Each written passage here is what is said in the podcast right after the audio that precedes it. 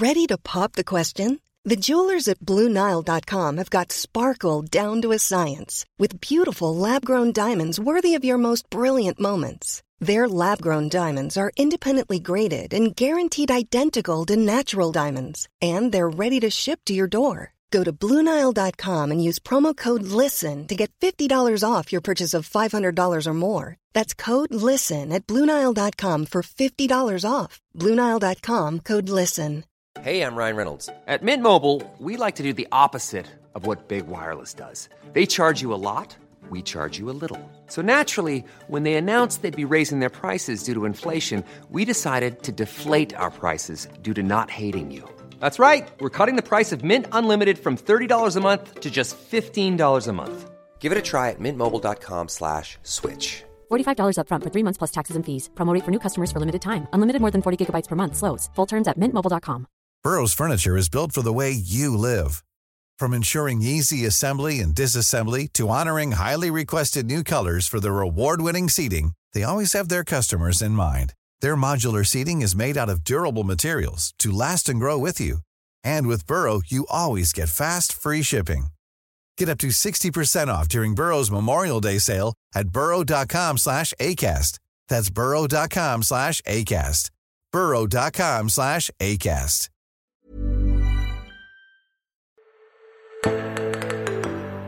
I denne ukens episode av Tore og Tarjei sitter jeg, Tarjei Gilje, her sammen med nyhetsredaktør Astrid Dalehaug Norheim. Eh, Vi skal snakke om at det i dag er ti år siden 22.07.2011, den mest skjellsettende dagen i nyere norsk eh, historie.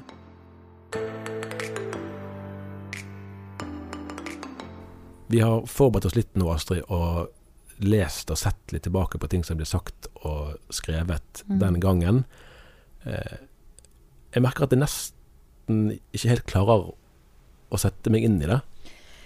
Nei, jeg, eh, jeg merker at jeg kommer litt sånn fort tilbake igjen til sånn som det var når jeg sitter og, og lest litt, som du sier, og husker tilbake. Det er ikke så lenge siden, eh, tross alt. Og det kan vi jo si det for da at det gjorde så enormt inntrykk. Sånn overveldende.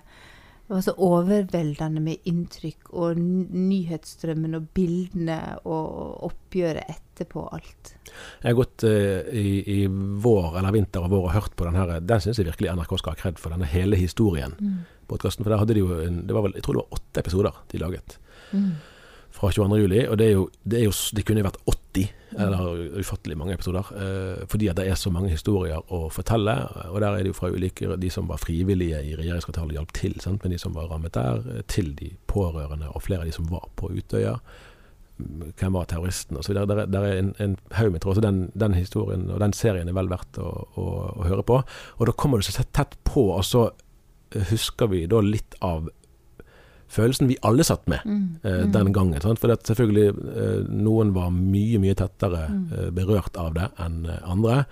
Men det var jo en, en hendelse som er sånn helt utrolig i sin rekkevidde. Mm. helt utrolig. Eh, og vi skjønte det jo ikke helt der og da heller. Det var jo eh, faktisk, selv om det bare er ti år siden, så gikk vi jo ikke med smarttelefonene så klistra som vi gjorde nå. Gjør nå, eh, men det kom likevel drypp inn eh, hele veien. Mm. Og der huksa vi var på ferie med familien, og mannen min viste at han hadde fått en sånn Jeg tror til og med var push-varsel den gangen om at det var en stor eksplosjon i Oslo. Og så sa vi bare lavt til hverandre det er sikkert gasseksplosjon. Så ikke ungene skulle høre det. Eh, og så eh, Den gangen jobba jeg i Vårt Land, eh, og Vårt Land sine lokaler lå jo rett ved. Nettopp. Uh, så Ja, det er jo ganske kort vei, det. det er veldig kort vei. Det Det er Grubbegata. egentlig, ja. Mhm. Så jeg begynte å få meldinger på telefonen fra kollegaer i vårt land Mm. om, om vinduet så Altså Mm. at ingen er skadd, og vinduene var sprengt inn og sånn, da. Så da, da ble det sånn Og så så vi de store nyhetssendingene, så det ble liksom både nært og fjernt på en gang. Mhm. Du, du, skrev, du har foran deg her på bordet utskrift av en større sak som du skrev kort tid etterpå. Hva er det du husker best fra, fra arbeidet med mm. Nei, altså en måneds tid etter, etterpå så, så uh, snakket jeg med alle de sentrale aktørene i Den norske kirka.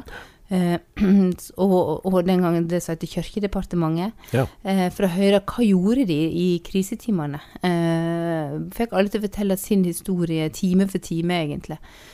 Og For at dette var jo en, um, en katastrofe som der Den norske kirka fikk en nasjonal betydning som jeg vel knapt ikke har sett eh, ja, på mange, mange tiår i alle fall. Og hvorfor ble det sånn?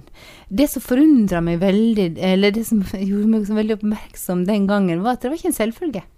Nei, og det har, det har Vi har snakket litt på forhånd, jeg forstår at det spørsmålet har en litt sånn bakenforliggende kulturell og historisk ramme, mm. men så har det òg noen helt praktiske Ja, forutsetninger. det var det. gjorde det. Altså, fordi at eh, Oslo domkirke ble jo da mm, den nasjonale samlingsplassen, eh, både med direktesendte TV-gudstjenester innifra kirka, og et enormt blomsterhav utenfor kirka. Eh, og det var det som var samlingsplassen i Oslo, og i og med at det var så mye Eh, altså TV-overføringer, eh, nett, eh, nettaviser som gikk fra Oslo, som fikk meg en sånn felles følelse av at dette var vår plass, og det var domkirka i Oslo. Men det som slo meg den gangen jeg jobba med den saken, var jo at det handla om at kirka veldig raskt forsto situasjonen.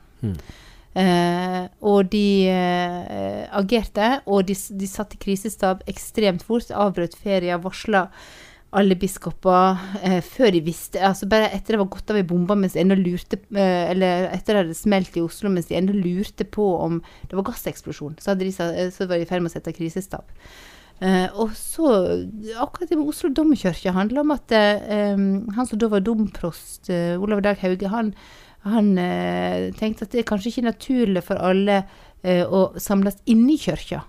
Men han eh, ba de for politiet om tillatelse til å lage, eh, sette ut noen steiner, sånn gatesteiner som Kirkens Bymisjon bruker, rett ut forbi kirka. Eh, og så gjorde han det, og så kjøpte de inn blomster for å starte en liten sånn plass utenfor.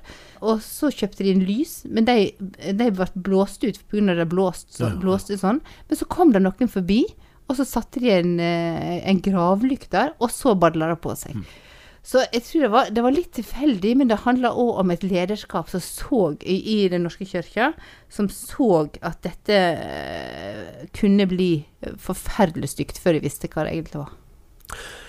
Jeg husker jeg satt med, med Helga Haugland Byfuglien. Det er jo ikke, faktisk ikke mer enn Det var vel i januar i fjor, altså i 2020.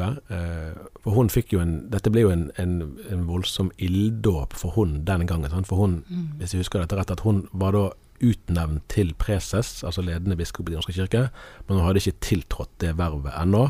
Og så var det noen praktiske ting med at biskop Kvarme, som var biskop i Oslo på den tiden, han var på vei hjem fra Altså han kom hjem fra ferie da, eh, til dette. Men det var hun som da fikk i oppdrag å, å preke eh, på den gudstjenesten i domkirken eh, søndag 24. juli, som ble en sånn helt ufattelig spesiell gudstjeneste. Og hun fortalte, Da satt vi på Kirkens hus i Oslo når, når jeg intervjuet henne, og hun forteller at ja, jeg satt her lørdag morgen, sant? Så, så ringte NRK og, og fortalte om rekkevidden. Da var jo Utøya-tallene òg kommet.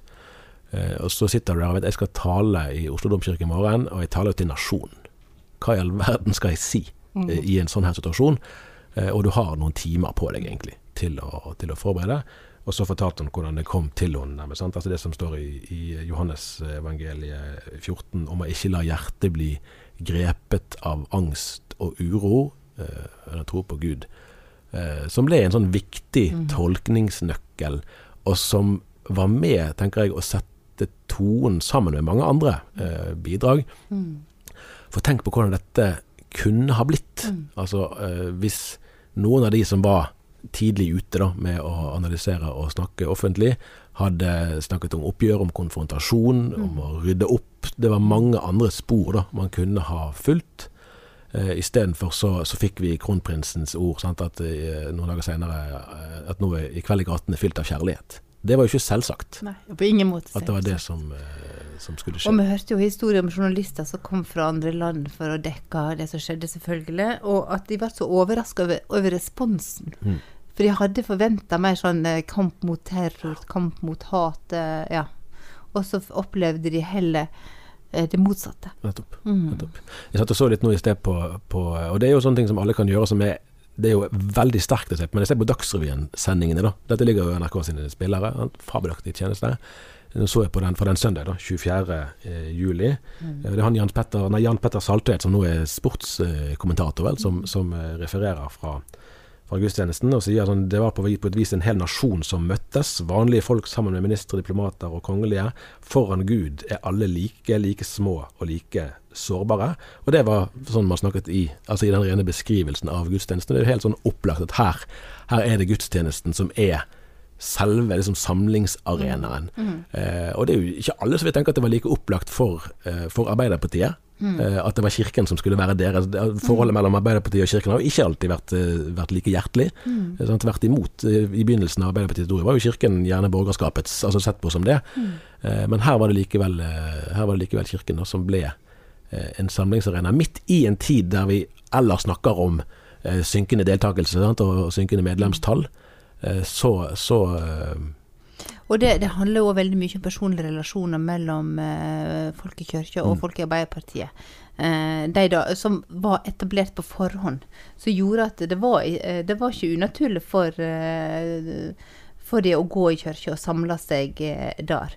Eh, kirka for, for sin egen del tenkte jo at eh, de skulle jo ha gudstjeneste, så de, Ja. de eh, skjønte bare fort at de måtte, måtte velge andre tekster.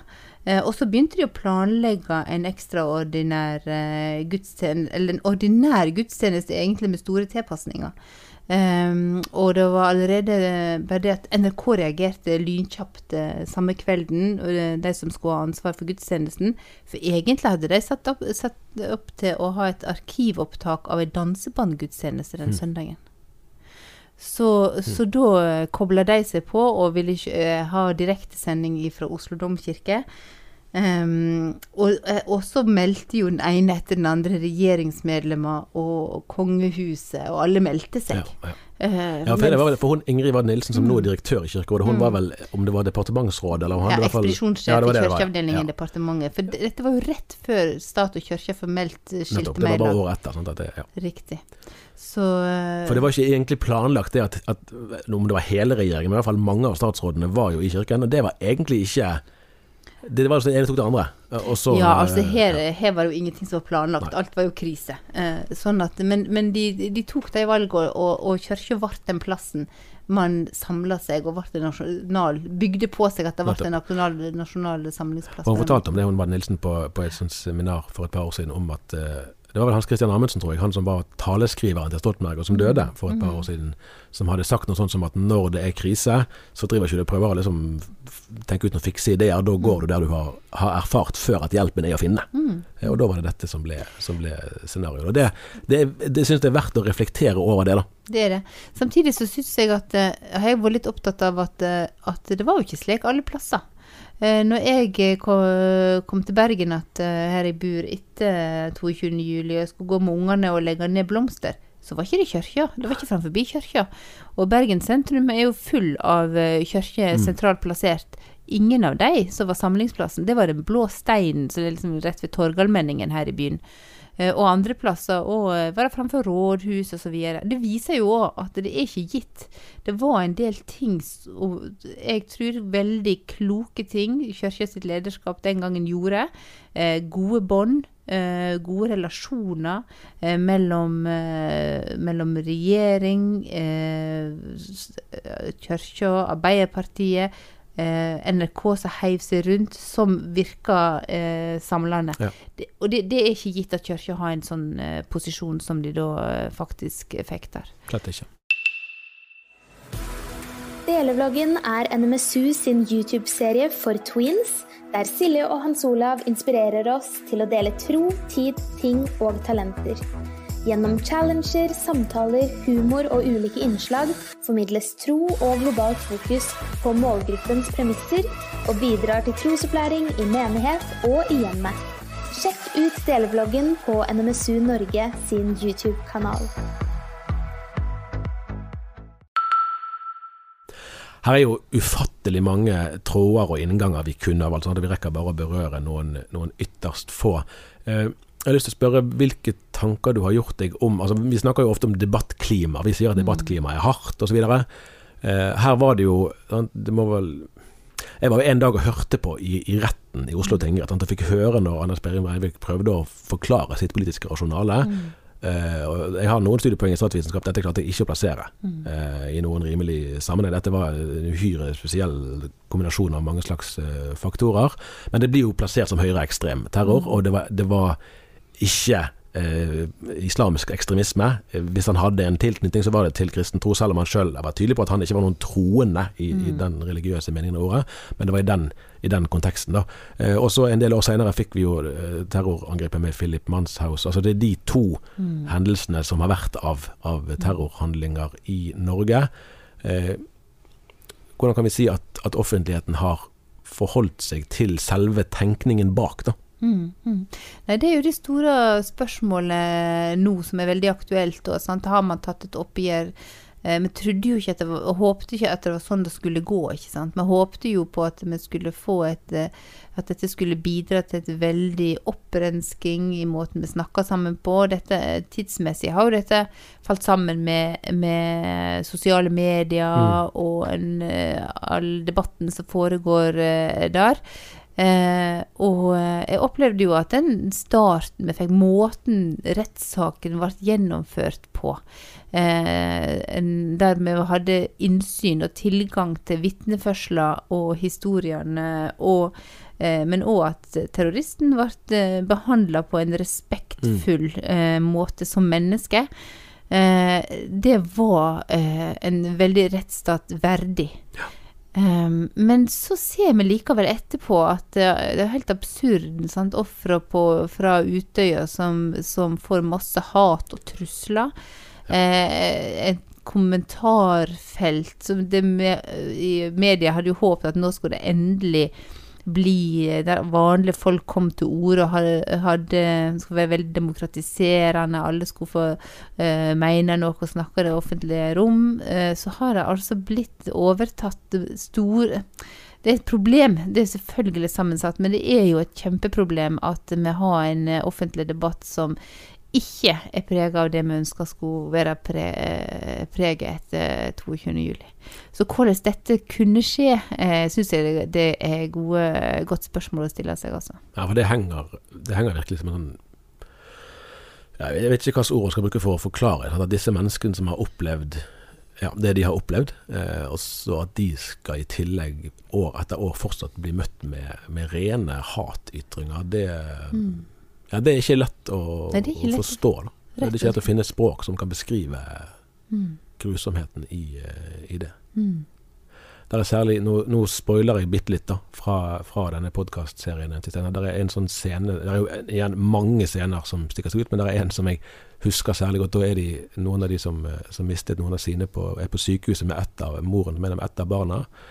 Og så sier de på sykehuset at uh, han kan komme til å dø i natt. Og så får de inn en kompis av han, og så skal de eh, De skal liksom ha fest på rommet for å på en måte insistere på å holde fast ved livet. det må jo være en ufattelig absurd situasjon, og så står de der og synger, og så blir han med og synger. Rett nok, han sang visst ikke helt rent, men akkurat Oi. det betydde lite. Ja. Sant? For da skjønte de både at han levde, og at han var, altså, han var i stand til å forstå hva sang de sang og kunne synge med. Ja. Og her er vi jo liksom helt i, i livets eh, yttergrense. Sant? Dette gikk akkurat bra. Eh, og så er, er faktisk responsen fra mange av disse er, er rett og slett eh, altså, nærmest ønske om at det ikke skulle gått bra. Ikke sant? Det, det er helt uforståelig, altså. Og jeg tenker, hva, hva henne er vi kommet som samfunn da, når det er sånn Det er på en måte òg en, en hel um, Altså, det, det, er ikke, det er ikke enkeltpersoner heller, eh, bare som kommer med sånne ytringer. Det er jo et grobunn for det. De får jo et ekko, ikke sant, fra andre. Jeg syns det Ja. Det er virkelig vel verdt ettertanke. Jeg traff òg en eh, journalist som um, fra USA som skulle dekke et eh, eh, rettssaken etter en terrorangrep mot en synagoge der borte nå for et par år siden. Og da gikk debatten veldig om eh, For, det var mange som ikke ville ha en rettssak. Eh, fordi at de ville ikke at rettssaken skulle bli eh, en arena for terroristen til å framføre sitt budskap. Eh, så da fortalte jeg litt om erfaringene fra Norge. Ja. Og det, det er jo fint, du kan reise hvor hen du er i verden, og alle kjenner til 22. juli. Ja. Eh, og, og det som skjedde, og, eller det man ofte sier, og den ungdomsleiren som ble angrepet. liksom, mm. ja, da husker jeg det. Eh, og det jeg kunne fortelle om, var jo hvordan eh, rettssaken fungerte sånn eh, der og da som sånn rensende, for at alt kom fram. Det var ikke sånn at du, øh, alt ble etterforska på en ordinær måte. Reglene ble fulgt. øh, sånn at øh, det var åpenhet, det var innsyn. Eh, du kunne ikke gjemme deg bak at noen prøver å holde noe skjult. Alt var framme og ute i det offentlige rom. Og at det har en enorm verdi. Altså. Og det var jo også veldig Den skal jo både Wenche Arntzen, som var dommer, sant, og, og, retts, og for så vidt òg NRK har. Sant, det var jo veldig kløktig, vil jeg tenke i hvert fall da. Eh, lagt opp på den måten at, eh, at med en gang terroristen begynte med politisk propaganda, så ble sendingen kuttet. Og det var i det hele tatt eh, lite rom for det, for det var ikke det som var agendaen. i Det var rettssak. dette. Det ikke, han, skulle, han fikk ikke lov til å, til å gjøre det der. da. Eh, Så det, det var jo veldig sånn bevissthet i at man skulle ha Han skulle, han skulle møtes av den rettsstaten han foraktet. Vi insisterte på å følge vanlige regler, samtidig som han ikke skulle få lov til å utnytte. Det var forresten en bare For så vidt et sidespor nå, men jeg hørte nettopp eh, altså Svein Holden, som da var en av de to som førte saken mot han. Eh, sant, som var intervjuet eh, i Krimpodden hos VG. Nå er jo han mest kjent som advokaten til Tom Hagen. Eh, men for de innstilte jo på at han eh, skulle bli kjent utilregnelig. Eh, og det, det hadde han ikke gått tilbake på. Han sto ved den vurderingen.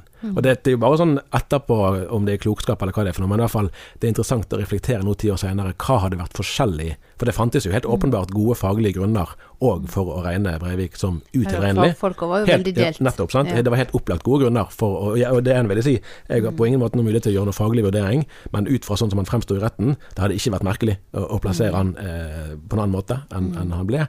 Hva hadde vært annerledes med debatten etterpå? Eh, hvis Det hadde skjedd. Det er det i hvert fall verdt å reflektere over, syns jeg. Det, det kunne det vært. Og så tenker jeg der og er det viktig at man har innsyn i de vurderingene som er gjort, sånn at man ikke tenker at eh, man valgte å, å si at han var tilregnelig for å få et visst utfall. Akkurat, innsyn akkurat. Og, i vurderingene som er gjort, er helt avgjørende for at man, ting skal stå seg over tid. Da.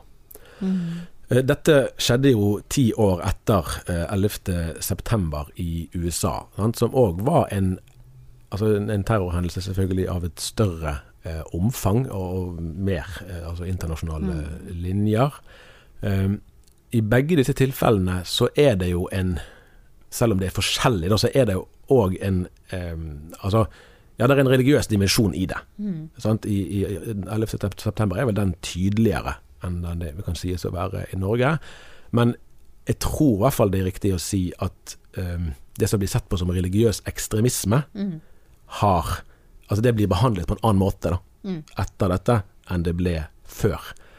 Eh, det, det er en sånn retorisk poeng, det tror jeg har vært innom her før. og Det snakket rektor Ingunn Folkestad Breistein på Ansgar eh, i Kristiansand om når vi hadde henne på besøk i februar, eller i hvert fall i vinter.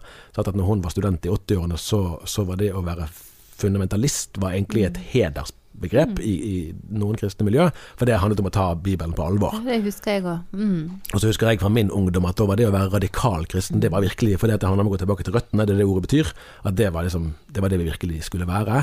I dag vil vi være livredd for å, å ta det ordet i vår munn med positivt fortegn. Og det tenker jeg har helt konkret har sammenheng med dette. Og når du hører at folk er blitt radikalisert, så er det liksom farlig. Ja da, men det er det jo. Altså, det er det jo eh, sånn som vi har sett med dagens øye og dagens erfaring. Ja.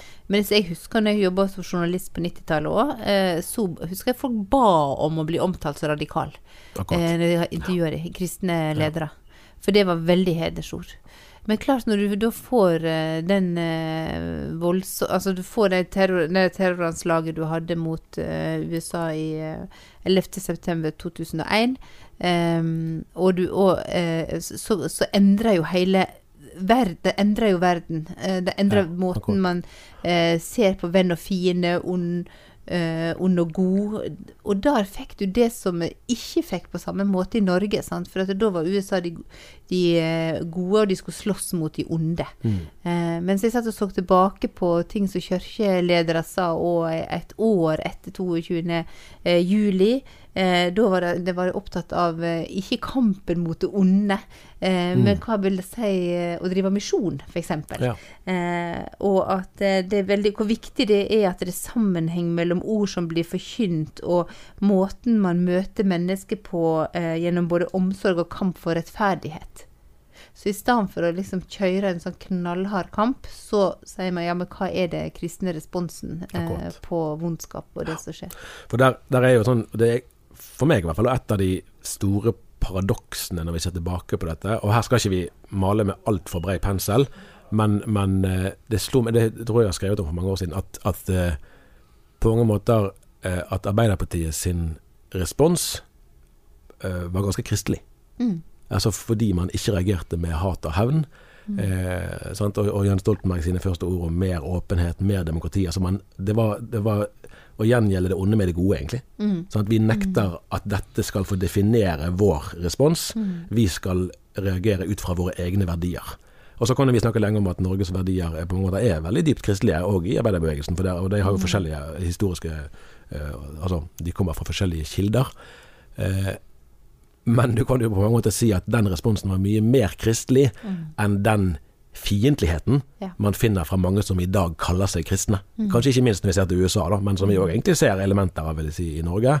At, at hvis man skal se på på personen Kristus, som vi kjenner fra Bibelen og fra historien, og måle da, hvem er det som ligner mest på Kristus, så er det ikke nødvendigvis sånn at de som bruker navnet om seg sjøl, er de som ligner mest. Mm, mm. Nei, og det var jo eh, viser jo hvor utrolig viktig det er, sånn som Jens Stoltenberg veldig fort tok eh, tok en ledelse der han definerte hvordan man skulle svare Akkurat. på dette her. For man kunne jo valgt en annen vei, og det ville vi jo og kunne ført til at vi, vi hadde enda en helt annen plass, men at man som leder går raskt inn og sier hva er det som skal kjennetegne vår respons. Eh, Og da er ikke det tid til noen lange utredninger og lange seminar. Men selvfølgelig, altså politikere de, de, og, og, og ledere de jobber jo med dette. Hvem, hva er verdiene våre? Hva er det som skal prege oss? Hva står det i prinsipprogrammet? Hva er det grunnvollen vår? Og det kommer jo også veldig til uttrykk når det skjer noe sånt, for da vet man hva, hvem man er, og, og hva, hva respons man skal ha. Selv om man ikke akkurat kanskje føler seg at det er dette som skal skje. Det interessante er òg eh, litt sånn høres kanskje litt teknisk ut, men jeg tror det er kjempeviktig likevel. Og det er jo eh, eh, Dette skjedde jo da seks-sju år etter, ja, drøyt seks år etter um, tsunamien i andre juledag 2004, eh, som de veldig mange nordmenn òg mista livet. Eh, og det viste at kirka eh, Det gikk jo ikke så bra eh, med, med håndteringen. Det var jo det var veldig mange som gjorde mye bra og håndteringsmessig der, men, men systemet som sådan fungerte ganske dårlig. Det var snakk om at det var tannhjul som ikke grep inn i hverandre. Det gikk fort hver for seg. Men eh, etter det så setter kirka ned en Lager Laga de en beredskapsplan for krise. Og de begynte å drille ansatte. Eh, og de hadde da drilla en del eh, før 22, rett før 22. juli, eh, og de skulle hadde planer om mer utover høsten. Så de visste hva de skulle gjøre. De hadde en plan, de visste hvem de skulle ringe til. Eh, og det er nok òg veldig viktig, eh, at man er forberedt og på det nivået eh, når ting skal skje. Ting Det er egentlig en, en god, akkurat det er jo en god illustrasjon på det som alltid er aktuelt, nemlig at altså ingen av oss kjenner fremtiden. Eh, og for en som er leder, både som politiker og på andre områder, så, så består lederskapet til dels i det du initierer og iverksetter sjøl, men det består jo òg, og kanskje ofte vel så mye, i hvordan du håndterer det som du ikke har planlagt, men som kommer din vei. Ja. Sånn, Og her har vi snakket både for kirkens del og for politikernes del. Dette var ikke noe man kunne forberede seg på, men måten man håndterer det på, sier utrolig mye om hva som da bodde i de fra før. Eh, og det Også- sier ganske mye. Og det vil si, altså til tross for den forferdelig traumatiserende opplevelsen for en hel, hel nasjon, enormt mange som gjorde en heroisk innsats, tok mange gode valg, så var det mye som svikta. Og når det da ble laga evalueringsrapporter, så kom alt det fram òg. Det ble heller ikke skyvd under teppet. Og det òg er veldig tillitsbyggende og tillitsskapende. Men det må komme i sin tid. Det er sant. Det er sant. Jeg har lyst til å avslutte med det som ble til ungdommen. Det var jo sånn dikt som vi kanskje hadde i 17. mai-tallet og sånn før. Som var sånn vakkert, eh, fint liksom fra Nordahl Grieg og fra krigen. Eh, og så ble jo den sangen så helt ufattelig aktuell. Og, og var også sitert fra, fra eh, Domkirken i Oslo i den nevnte reportasjen. Og det var jo mange, mange som siterte den sangen den gangen. Og Nordahl Grieg var jo ikke akkurat noen, eh, noen eh, kristelig forkynner, for å si det sånn. Slett ikke. Men, men denne teksten har likevel mye ved seg som veldig godt kan plasseres i en, i en kristen kontekst. Jeg vil nesten si at på mange måter blir teksten enda bedre, da, fordi da, da blir liksom klangbunnen eh, sterkere. Eh, og da, og da eh, håper jeg at jeg klarer å lese gjennom dette bare noen få linjer, sant? der vi, man spør i sangen hva skal jeg kjempe med, hva er mitt våpen? Her er ditt vern mot vold, her er ditt sverd. Troen på livet vårt, menneskets verd. Med de ordene tror jeg vi sier takk for denne gang. Det ble en litt spesiell episode denne gangen, men det var jo i anledning en veldig spesiell dag. Så er vi igjen tilbake neste uke. Takk for at du var med, Astrid Dale Norheim. Takk skal du ha.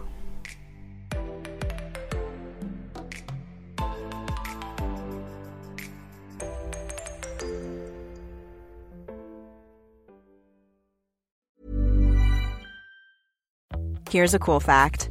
A crocodile can't stick out its tongue. Another cool fact you can get short term health insurance for a month or just under a year in some states. United Healthcare short term insurance plans are designed for people who are between jobs, coming off their parents' plan, or turning a side hustle into a full time gig. Underwritten by Golden Rule Insurance Company, they offer flexible, budget friendly coverage with access to a nationwide network of doctors and hospitals. Get more cool facts about United Healthcare short term plans at uh1.com. Imagine the softest sheets you've ever felt. Now imagine them getting even softer over time. That's what you'll feel with Bowl and Branch's organic cotton sheets. In a recent customer survey, 96% replied that Bowl and Branch sheets get softer with every wash. Start getting your best night's sleep in these sheets that get softer and softer for years to come. Try their sheets with a 30-night guarantee. Plus, get 15% off your first order at bowlandbranch.com. Code BUTTERY. Exclusions apply. See site for details. When you make decisions for your company, you look for the no-brainers. If you have a lot of mailing to do, stamps.com is the ultimate no-brainer. Use the stamps.com mobile app to mail everything you need to keep your business running with up to 89% off USPS and UPS. Make the same no-brainer decision as over 1 million other businesses with stamps.com. Use code PROGRAM for a special offer. That's stamps.com, code PROGRAM.